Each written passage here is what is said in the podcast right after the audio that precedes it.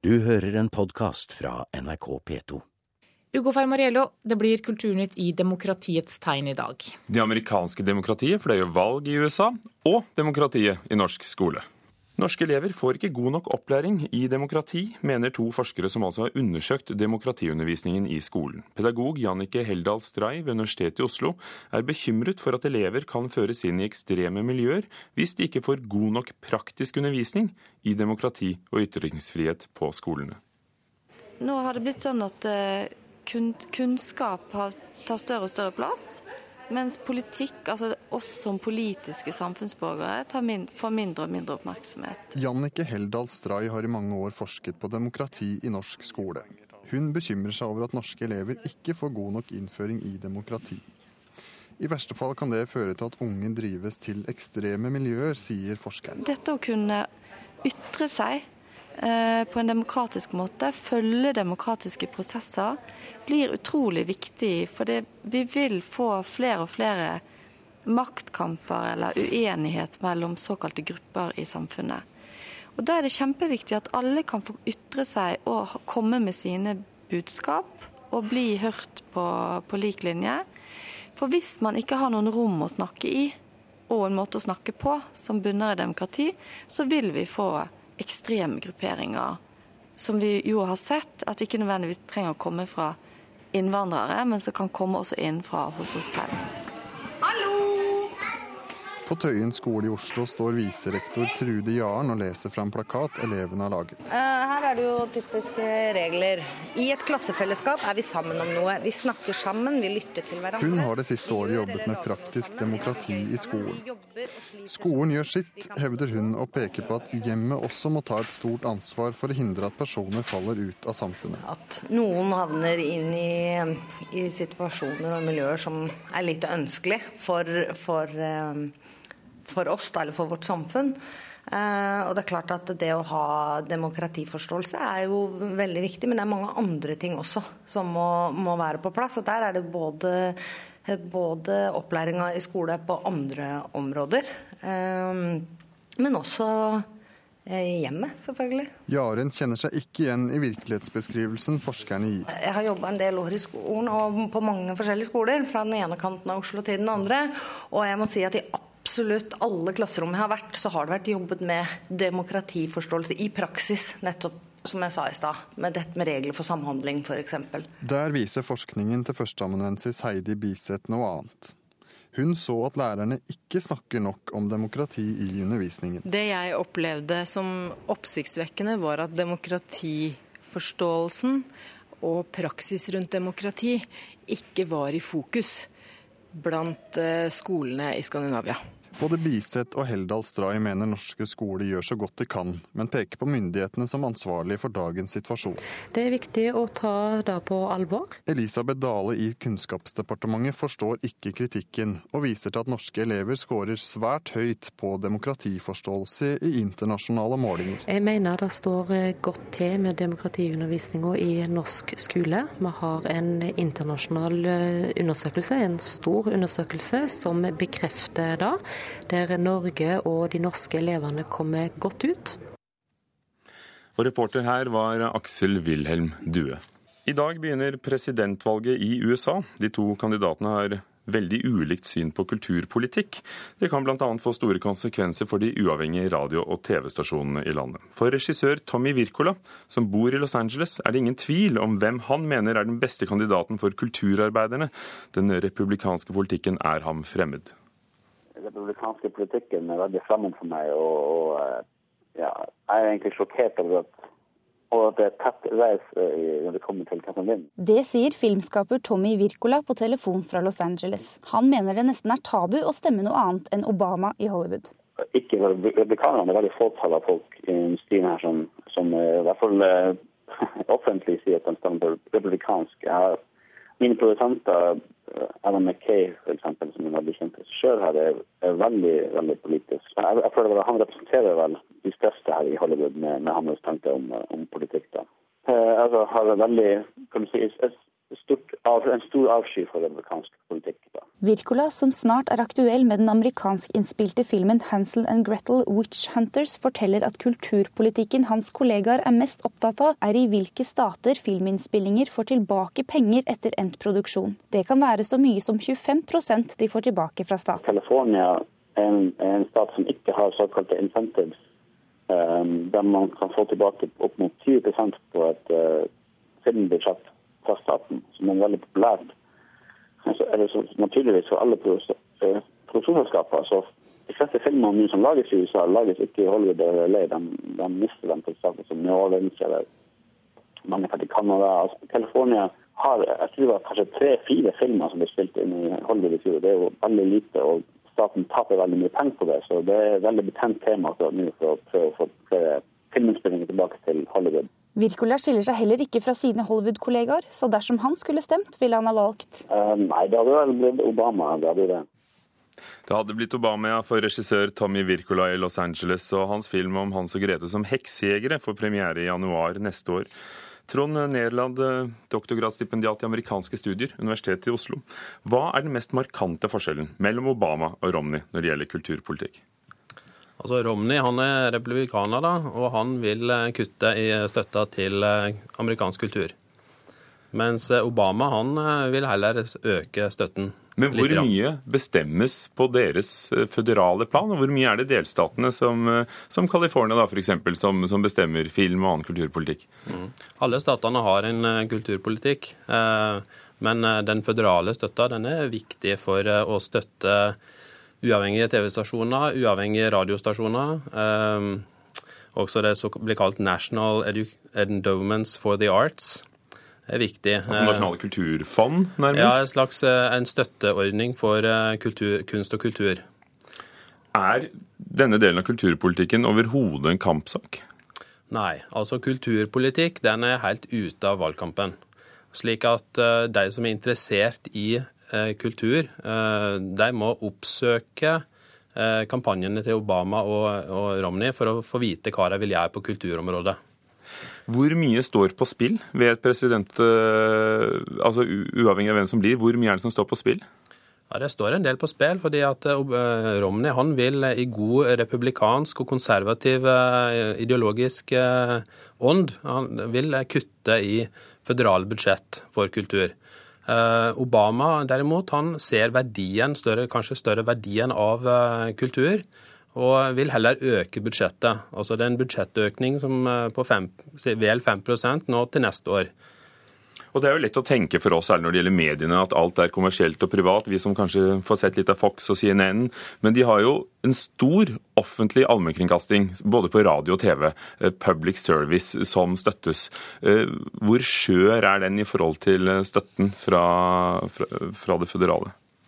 Ja, den er jo viktig for å opprettholde en uavhengig, ikke-kommersiell TV-sektor. Men der har det vært kuttet før? Det har vært kutta før, så de har fått mindre. Og det henger jo selvfølgelig sammen med den økonomiske resesjonen i USA. Altså at økonomien er svært dårlig etter 2007. Så um, selv om også Obama-administrasjonen har kutta i kulturbudsjetta, så må en se det mer i sammenheng med den økonomiske situasjonen som landet er inne i, som er svært alvorlig. Kan utfallet av kulturpolitikken på noen måte påvirke Norges forhold til USA?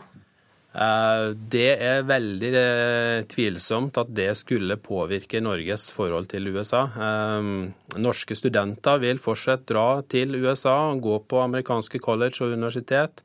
Norske kunstnere vil fortsatt dra til USA for å få inspirasjon.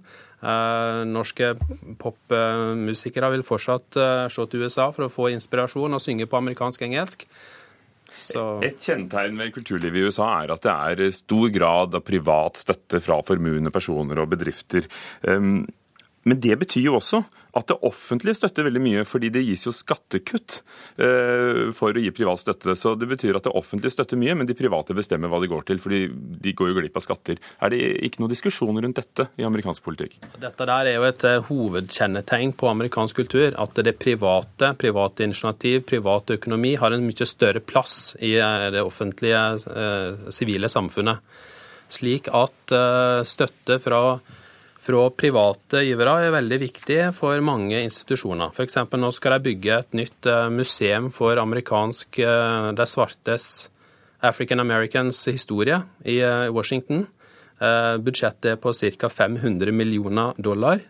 Og der har Kongressen lova å støtte med ca. halvparten. Ergo så må resten komme fra private. Mm. Uh, og vi kan ta en sammenligning. Vi kunne tenke oss at Den Norske Opera skulle blitt uh, til 6-7 uh, milliarder kroner, eller hva det var, den kosta til slutt, skulle blitt delfinansiert av 2-3-4 milliarder private norske kroner. Men når disse private gir pengene i USA, så, så slipper du å betale skatt på de pengene. Så det blir, ligger jo en kraftig offentlig støtte i det òg, da? Ja, det ligger en viss Det er en skatte Altså en reduserer skatten, kan redusere skatten sin på den måten, men også Obama-administrasjonen har foreslått å, å, senke den fordelen du får av å eh, trekke fra på skatten. Så alt det som står på spill i dag, men det ikke snakkes om, det fikk vi vite nå, noe av, takket være deg. Trond Nederland, forsker ved Universitetet i Oslo i amerikanske studier. Takk. Musikktjenesten på internett Wimp har akkurat lansert ny musikk under tittelen Forever Young. Her presenterer de seks norske artister som har spilt inn kjente sanger fra 80-tallet. Grensene mellom plateselskapene og strømmetjenestene er i ferd med å viskes ut, mener en ekspert. Men aller først Tom Hell. Uh, Musiker Tom Hell slår an akkordene til en av 80-tallets virkelig store sanger, She's Like The Wind, fra filmen Dirty Dancing. I feel the breath on my face, body close to me. Eh, jeg ble forespurt av de på Wimp om jeg hadde lyst til å eh, gjøre en cover av She's Like The Wind. Jeg syns det er et poeng når man gjør en coverlåt, at ikke det skal bli på en måte en slags humoristisk greie. Jeg syns det er kult å ja, prøve å sette seg inn i, i låta og tolke den så godt som mulig. Tom Hells nyinnspilling er et av seks bidrag til streamingtjenesten Wimps prosjekt Forever Young. Wimp presenterer 80-tallet. Dette er første gang en streamingtjeneste initierer og presenterer musikk på egen hånd i Norge. Redaksjonsleder for Wimp Norge, Sveinung Rindal, forteller. Tanken er å gi brukerne en eh, ekstra god musikkopplevelse og, og, berike på en veldig underholdende måte den eh, musikkhistorien som er tilgjengelig i Vimp. Rindal mener eksklusivt materiale er en viktig komponent i konkurransen med andre streamingtjenester. Eksklusivt innhold er på en måte bare en del av det. Eh, for oss så handler det om å formidle musikk og sette sammen spillelister og, og gi folk valget selv hva de ønsker å høre på. Men uh, uten, den, uten, at vi tar den rollen, så blir det ikke spennende nok i framtiden å, å, ha en musikktjeneste med millioner av låter uten å få de anbefalingene. Hei, hei. Audun Molde. Leder for populærmusikkstudiet ved Nordisk institutt for scene og studio, Audun Molde, mener Vimp beveger seg inn på plateselskapenes område. Når Vimp eh, f.eks. Eh, lager eksklusive versjoner av låter, så jobber de seg egentlig bakover i verdikjeden hvor de ikke bare er en distributør, men de blir også en innholdsleverandør. Vi ser også at de forsøker å komme inn på et nytt forretningsområde. Molde ser dette som en del av en større trend. Jeg er ikke overraska over at Vimp gjør dette. Ehm, jeg tror det er bare starten på en trend hvor eh, f.eks. streamingleverandørene kommer til å tilby eksklusivt materiale og tilrettelegge ting for kundene sine. Og, skillene mellom de forskjellige aktørene det er mye mer eh, mindre klare grenser da, enn det var før. Ifølge Sveinung Rindal har Vimp ikke noe ønske om å ta på seg en tradisjonell plateselskaprolle, men ser snarere prosjekter som Forever Young som noe alle parter er tjent med. Jeg tror eh, vi samarbeider så godt med plateselskapene eh, med våre kampanjer. Vi gjør ikke dette uten plateselskapene, så sånn sett så tror jeg vel egentlig at det stimulerer mer enn det ødelegger samarbeidet. Tom Hell kan godt forstå at Vimp ønsker å gjøre slike prosjekter. Ja, det, det, det er jo bare en måte å, å, eh, å bli Å få noe spesielt ut av det. Jeg syns det er kjempepositivt. Det er helt topp.